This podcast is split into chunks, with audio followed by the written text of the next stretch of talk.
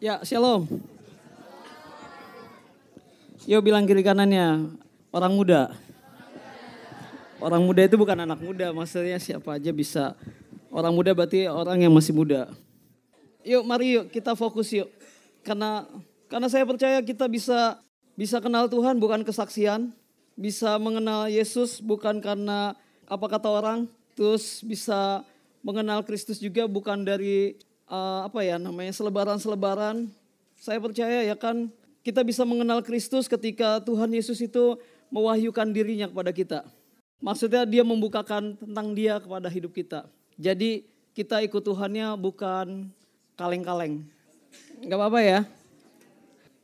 Kita langsung buka di kisah para rasul 11. Intinya kita sama-sama mau belajar mengenal Kristus. Karena hanya Tuhan Yesus saja yang sempurna kita akan terus menuju dalam kesempurnaannya Tuhan. Asal kita tetap di jalurnya. Yuk di sini saya tidak mau merasa dirinya paling benar rohnya. Terus mau mengajar saudara-saudara di tempat sini bukan. Tapi kita mau kasih tahu apa yang Tuhan mau katakan. Yuk mari kita lihat yuk. Kisah 11 ayat 19 sampai yang ke 30. Barnabas dan Saulus ke Antioquia. Sementara itu banyak saudara-saudara telah tersebar karena penganiayaan yang timbul sesudah Stefanus dihukum mati. Ngeri ya. Mereka tersebar sampai ke Fenisia, Siprus, dan Antioquia. Namun, lihat dia perhatikan kata-katanya. Namun mereka memberitakan Injil kepada orang Yahudi saja. Akan tetapi di antara mereka ada beberapa orang Siprus dan orang Kirene yang tiba di Antioquia dan berkata-kata juga kepada orang-orang Yunani dan memberitakan Injil bahwa Yesus adalah Tuhan. Akan tetapi di antara mereka ada beberapa orang Siprus dan orang Kirene yang tiba di Antioquia dan berkata-kata juga pada orang Yunani dan memberitakan Injil bahwa Yesus adalah Tuhan. Dan lihat, tangan Tuhan menyertai mereka dan sejumlah besar orang menjadi percaya. Sejumlah besar ya, sejumlah besar orang menjadi percaya dan berbalik kepada Tuhan. Percaya dan berbalik kepada Tuhan. Jadi bukan sekedar percaya tapi percaya dan berbalik kepada Tuhan. Berarti sebelumnya dia berlawanan dengan Tuhan. Maka sampailah kabar tentang mereka itu kepada jemaat di Yerusalem. Lalu jemaat itu mengutus Barnabas ke Antioquia.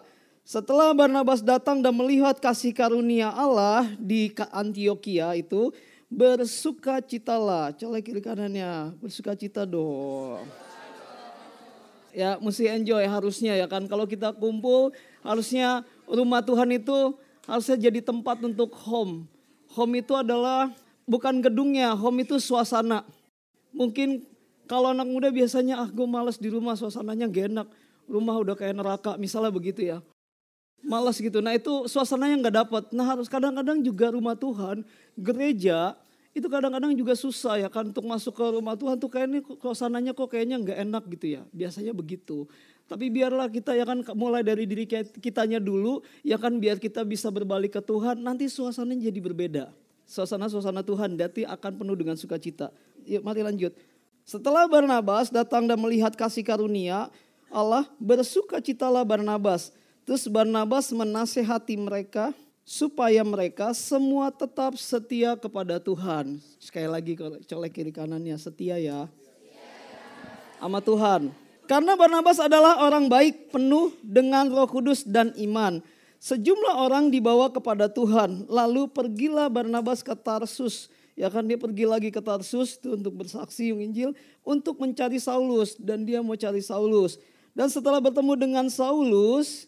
Ia membawanya ke Antioquia mereka tinggal bersama-sama dengan jemaat itu satu tahun lamanya sambil mengajar banyak orang. Di Antioquia lah murid-murid itu untuk pertama kalinya disebut apa? Amin. Jadi di Antioquia Alkitab bilang itu yang pertama kali disebut Kristen. Kristen itu artinya pengikut Kristus. Ya. Dan itu adalah ejekan bangsa Romawi terhadap pengikut Yesus. Kalau pengikut Yesus dibilangin, oh itu Kristen, itu Kristen, itu Kristen gitu. Ya. Dan tujuhnya, pada waktu itu datanglah beberapa nabi dari Yerusalem ke Antioquia. Seorang dari mereka yang bernama Agabus bangkit dan oleh kuasa roh Ya, Agabus mengatakan bahwa seluruh dunia akan ditimpa bahaya kelaparan yang besar. Hal itu terjadi juga pada zaman Claudius. Lalu murid-murid memutuskan untuk mengumpulkan suatu sumbangan. PT-PT ini berarti ya. Sesuai dengan kemampuan mereka masing-masing dan mengirimkannya kepada saudara-saudara yang diam di Yudea. Hal itu mereka lakukan juga dan mereka mengirimkannya kepada penatua-penatua dengan perantaran Barnabas dan Saulus. Yuk, sampai sini kita masih semangat? Semangat ya saudara ya. Perhatikan yuk kita sama-sama mau belajar. Ya di akhir bulan ya kan di gereja ini ya di Shoot Fellowship ya kan Tuhan ingatkan kita. Tuhan sudah ingatkan kita buat kita di tempat ini. Bahwa disuruh mempersiapkan. Mempersiapkan seperti gini lima gadis bodoh dan lima gadis bijak. Mempersiapkan. Kenapa dibilang lima gadis bodoh dan bijak? Disuruh mempersiapkan. Apa yang dipersiapkan? Ketika saya baca firman Tuhan ini ya kan Tuhan kasih tahu begini ya kan perenungan pewahyuannya. Perhatikanlah Dilan. Hari-hari ini gereja Tuhan harusnya itu mempersiapkan. Gereja Tuhan itu adalah kita sendiri. Kita ini mesti mempersiapkan. Mempersiapkan apa yang sudah Tuhan nanti mau kerjakan. Cepat atau lambat Tuhan pasti datang. Maka Tuhan bilang gini, yuk persiapkan dirimu. Jangan bilang kamu masih muda. Kita tidak tahu umur kita. Makanya Tuhan bilang gini, persiapkan, prepare the way. Bahwa Yesus mau datang. Ketika jemaat ini, perhatikan saudara, ketika jemaat Barnabas dan Saulus ke Antioquia, itu jemaat lagi dalam tekanan. Jemaat anak Tuhan itu ditekan, benar-benar ditekan, dipres. Kalau hidupmu dan saya hari ini kayaknya tertekan, Tuhan bilang tetap persiapkan. Yuk mari kita perhatikan yuk, kita sama-sama belajar ya. Saudara, 19. Sementara itu banyak saudara-saudara telah tersebar. Lihat ya, ini anak-anak Tuhan banyak tersebar. Diaspora namanya. Dari Yerusalem dan Yudea itu ada tekanan, makanya mereka tersebar. Tetapi tersebarnya karena apa? Bukan karena mereka lagi bersuka cita, tapi sedang penganiayaan. Sedang penganiayaan, jadi tersebar mereka, ya kan anak-anak Tuhan. Ketika tersebar, timbul sesudah Stefanus dihukum mati. Ya, nah lanjutnya bilang mereka tersebar sampai ke Fenisia, Siprus, Antioquia. Namun mereka tetap memberitakan tentang Tuhan. Biasanya kalau orang lagi dalam tertekan, dia susah ngomongin Tuhan. Pasti susah ngomongin Tuhan. Halo, benar atau benar? Kalau lagi dalam tekanan, dengerin orang curhat lagi juga dalam tekanan, nanti pasti jawabnya gini, sama gue juga kali. Biasanya kan begitu ya biasanya. Tapi perhatikan kita mau belajar. Kita mau belajar bukan dengan yang lain tapi kita mau belajar dengan firmannya. Karena kita semua masing-masing punya pengalaman pribadi dengan Tuhan Yesus. Maka Tuhan bilang gini, yuk mulai balik basic to Bible. Mulai balik ke Alkitab. Kenapa? Karena di sini aku mau mengajarkan. Ketika saya baca firmannya, saudara baca firmannya, Tuhan mengajarkan dan pengalaman masing-masing. Tekanan pun juga masing-masing. Apa pun juga masing-masing. Kalau saudara dikasihnya tekanannya 5 kilo, berarti Tuhan bilang begini, kamu mampu, kamu bisa sebenarnya. Baru satu kilo dong berat nih, aduh berat dah bete gue sebel gitu. Padahal ada yang lebih dari satu kilo, satu ton mereka. Perhatikan ini jemaat ya kan, ini anak-anak Tuhan. Mereka juga ngalamin sama seperti kita.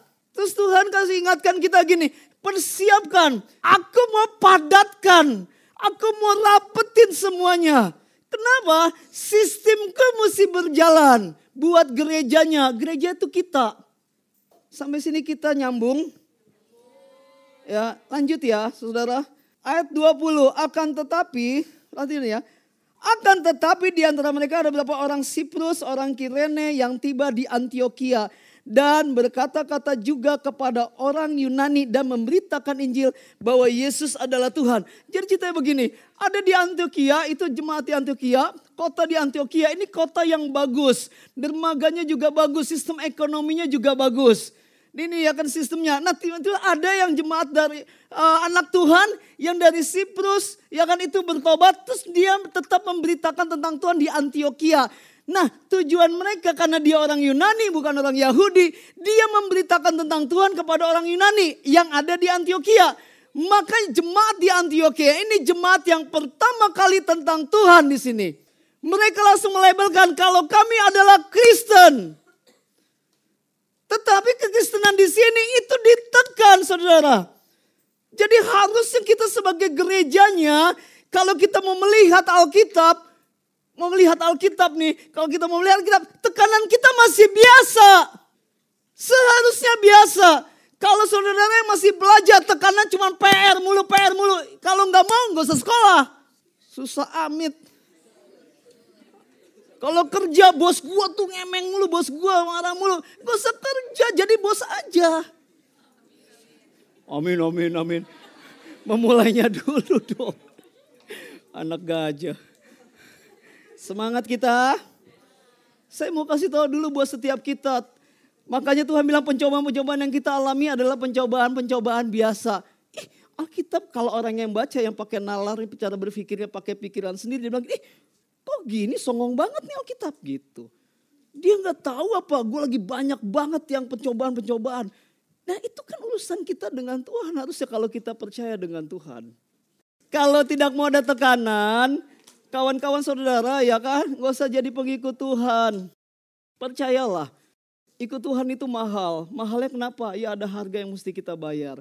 Mungkin saudara udah tahu lah harga yang mesti kita bayar. Maksudnya harganya saya ikut Tuhan yang mesti yang mesti saya bayar, saya udah tahu nih apa nih yang mesti saya bayar. Bahkan demikian juga saudara-saudara, ketika saya mau melangkah ikut Tuhan, ada harga yang mesti dibayar. Ya bayarlah. Saya nggak bisa bayarin. Karena harganya masing-masing.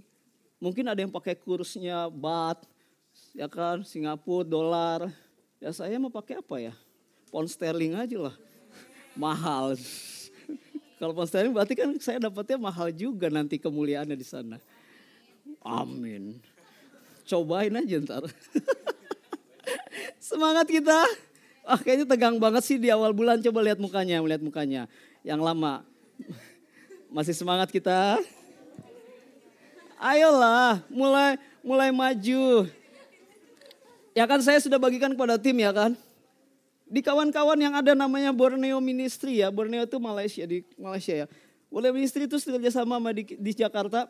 Dia sedang ngadakan gini, ngadakan gimana generasi mau dimenangkan sampai 10 ribu jiwa di Serpong di, BS, di eh, BSD ya. Mereka 10 ribu. Terus saya lihat gini, wah mereka 10 ribu ya Tuhan. Tapi bukan saya ikut-ikutan. Sebelum mereka kasih tahu, Tuhan udah kasih tahu ke kami. Kasih tahu kami, kami terus gini, Tuhan ini gimana ya? Kami biasa aja, sederhana aja, kecil saja. Tapi ini Tuhan mau ngerjain apa di kota kami. Tapi ketika kami mau mengerjakan, ketika kita sama-sama mengerjakan kota ini ya kan untuk memberkati, ya pasti ada aja tekanannya. Ketika ada tekanannya, tapi Tuhan ingatkan saya begini, Len, lu mesti percaya sama gua. Lu mesti percaya sama gua. Kenapa? Lihat baca ini. Jemaat ya kan lihat anak Tuhan. Ketika dia masuk ke dalam Tuhan, Perhatikan ketika dia bersaksi di Antioquia, itu sejumlah besar orang banyak yang percaya. Tapi lihat, bukan percaya saja, tapi dia berbalik kepada Tuhan. Tadinya begini dia, tidak ketemu dengan muka Tuhan, membelakangi, tapi sekarang dia mulai berbalik.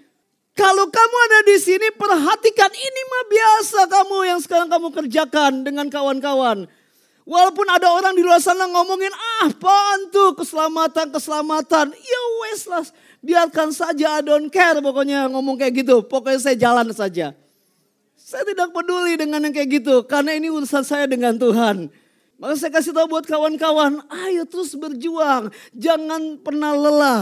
Makanya lihat ketika dalam masa tekanan apa pun saja, ekonomi ke apa, sakit penyakit, Pokoknya apa saja akan pokok gesekan kanan kiri. Nggak usah dipusingin.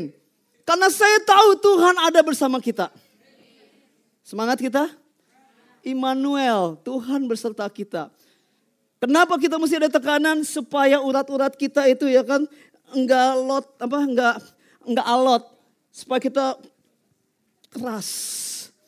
Ketika ada hantaman badai gitu kita tegap. Dihantam kiri kanan cuek saja cuek saja. Semangat kita kawan-kawan. Saudara-saudara, biarlah di akhir bulan ini ya kan, biarlah kita yang mendapat tekanan. Percayalah, berkatnya itu besar banget. Pokoknya kawan-kawan yang serius dengan Tuhan tetap semangat. Karena janjinya ya dan amin. Janjinya tidak pernah salah, janjinya itu pasti akan ditepatin. Karena itu Tuhan kita, yuk. Kadang-kadang kita juga begitu dalam hidup yang kita jalani sebagai anak Tuhan. Kadang-kadang tertekan, ketika tertekan kita mau bangun kan aduh susah, ternyata nyerah, gampang nyerah. Ah udah gampang nyerah, gampang nyerah. Padahal ketika kita lagi di apa bahasa ininya, bahasa Betawi kali ya, dibebes dibes set, dibes sampai sampai ke dalam gitu, sampai ke dalam katanya, oh sampai udah mukanya nggak bisa gitu, nggak kelihatan sampai bes gitu. Sebenarnya itu Tuhan lagi tarik kita, tarik, tarik, tarik gitu. Kayak anak panah gitu, ditarik terus, ditarik terus, tarik terus. Sampai kapan ya? Kita udah bilangin Tuhan, udahlah saya nyerah di sampai sini aja. Tuhan saya nyerah. Enggak kata Tuhan gitu terus. Belum anakku, belum anakku. Pasti dia ngomong gitu loh, belum loh Win, belum. Iya Tuhan tapi saya lelah, belum selalu. Kata Tuhan, santuy.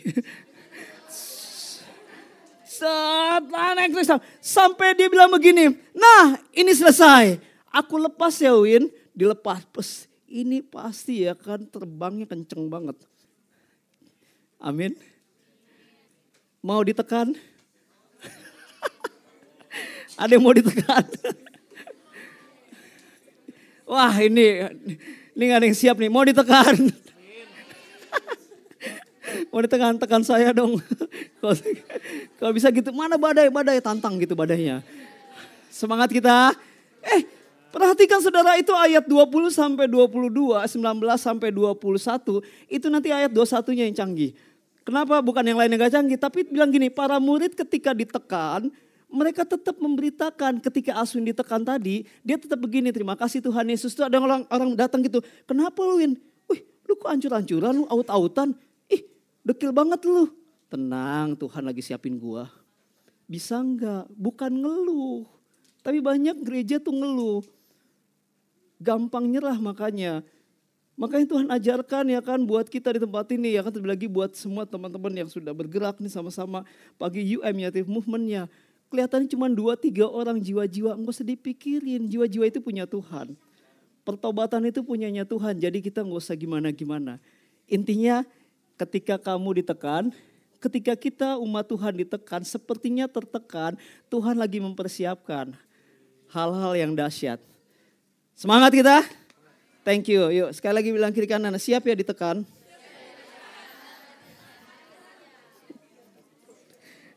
Mari kita lihat ini mempersiapkan kita untuk masuk di hari kedua. Ya, lanjut ya. Lanjut yuk. Akan tetapi di antara mereka ada beberapa orang Siprus dan orang Kirene yang tiba di Antioquia dan berkata-kata juga kepada orang Yunani. Dan lihat perhatikan saudara dia tetap memberitakan Injil. Injil itu adalah kabar baik, kabar sukacita. Jadi Injil itu bukan kabar bohong, bukan kabar yang durhaka, bukan kabar yang duka. Tapi kabar yang sukacita membuat orang sukacita. Jadi ketemu Injil langsung ada pengharapan. Dia berharap saya lagi berharap apa ya? Tiba-tiba Injil masuk ngomong gitu ada firman Tuhan. Kita dengar ya kan khotbah dengar oh ini dia. Terus langsung di sini ada harapan itu Injil. Amin ya. Injil itu kabar baik benar-benar kabar sukacita. Lanjut ya. Terus dibilangnya bahwa Yesus adalah Tuhan. Nah Lihatlah saudara kita sama-sama mengamini ya, mengimani. Dan tangan Tuhan dibilang apa? Dan tangan Tuhan? Tangan Tuhan menyertai mereka. Tangan Tuhan, tangannya Tuhan itu tangannya Tuhan itu kekuatan dan powernya itu menyertai, menyertai mereka. Mereka itu orang-orang yang ditekan. Harusnya kita sebagai gerejanya mesti ngalamin itu. Supaya apa? Supaya tangan Tuhan itu bisa nyata dalam hidup kita. Kalau saudara-saudara hidupnya santai saja, gampang untuk ngomong terima kasih Tuhan. Bisa dilihat, oh ini tangan Tuhan masih menyertai saya karena saya masih punya ini, punya itu, punya ini. Tapi kalau saudara lihat dalam tekanan, bisa nggak berkata, ini Tuhan masih menyertai saya. Tapi Tuhan bilang gini, aku akan membuktikan otoritasku buat setiap gerejanya, gereja itu kita. Halo, jadi jangan alergi kalau saudara itu masuk dalam tekanan. Amin. Ya kan? Ini bukan Injil-Injil itu ya.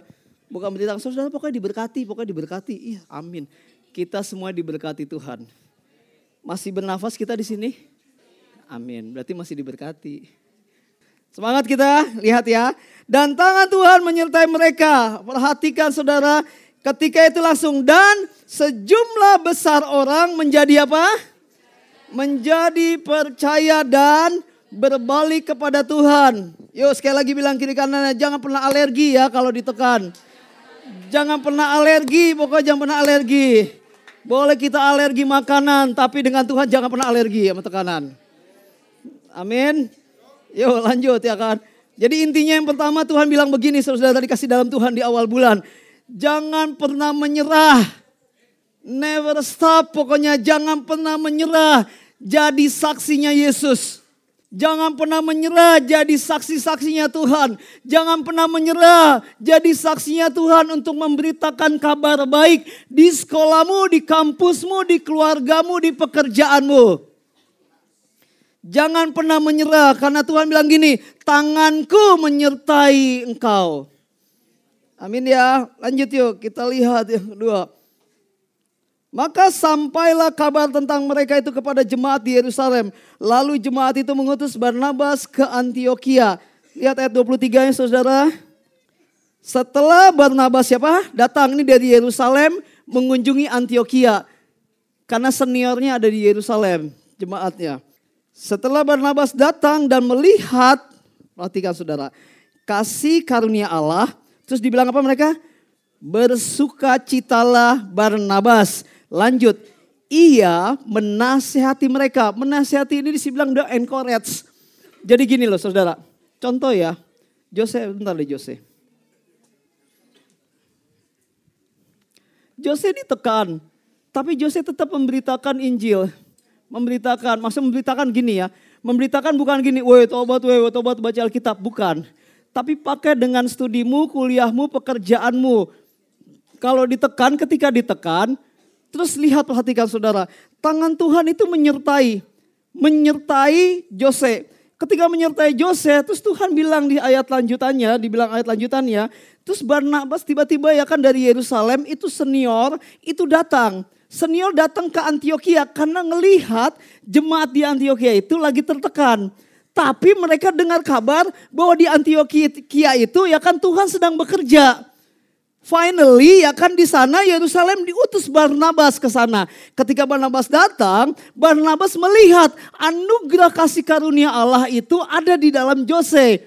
Di jemaat Antioquia.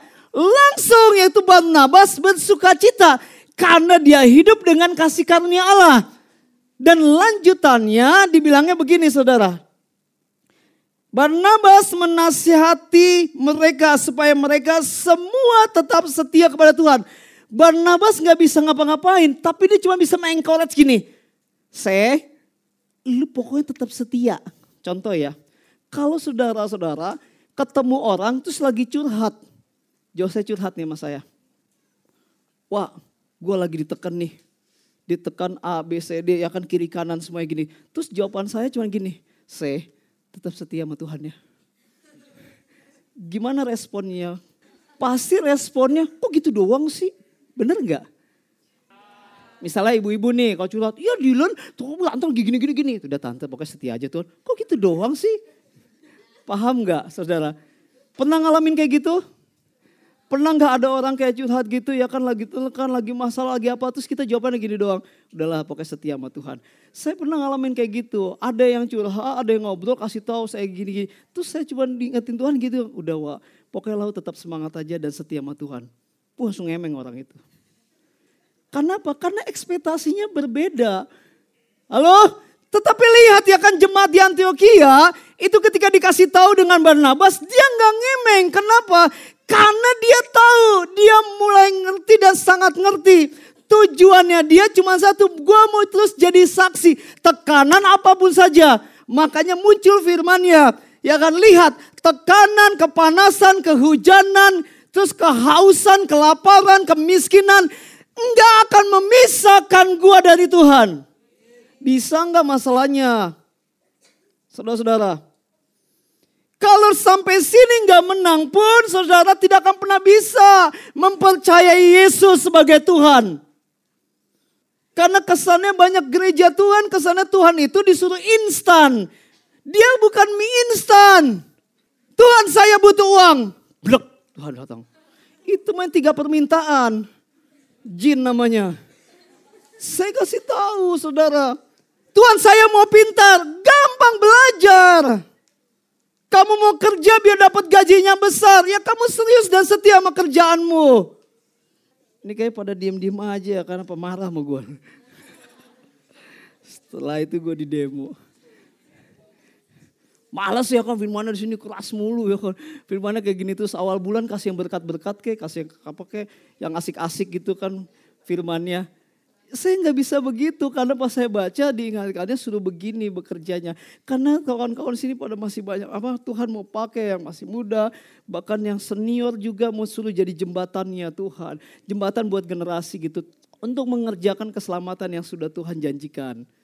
Makanya Tuhan bilang, yuk ketika diingatkan nama Barnabas, jemaat Antioquia, jemaat Antioquia, misalnya di sinilah, shoot fellowship, sabar ya, pokoknya tenang, tetap setia sama Tuhan.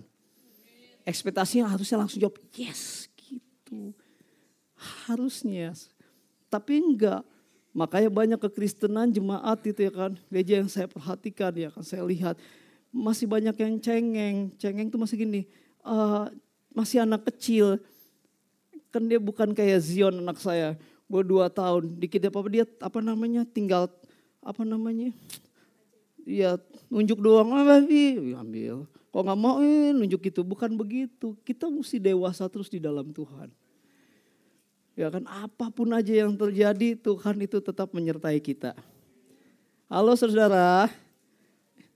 Ini masih semangat gak sih?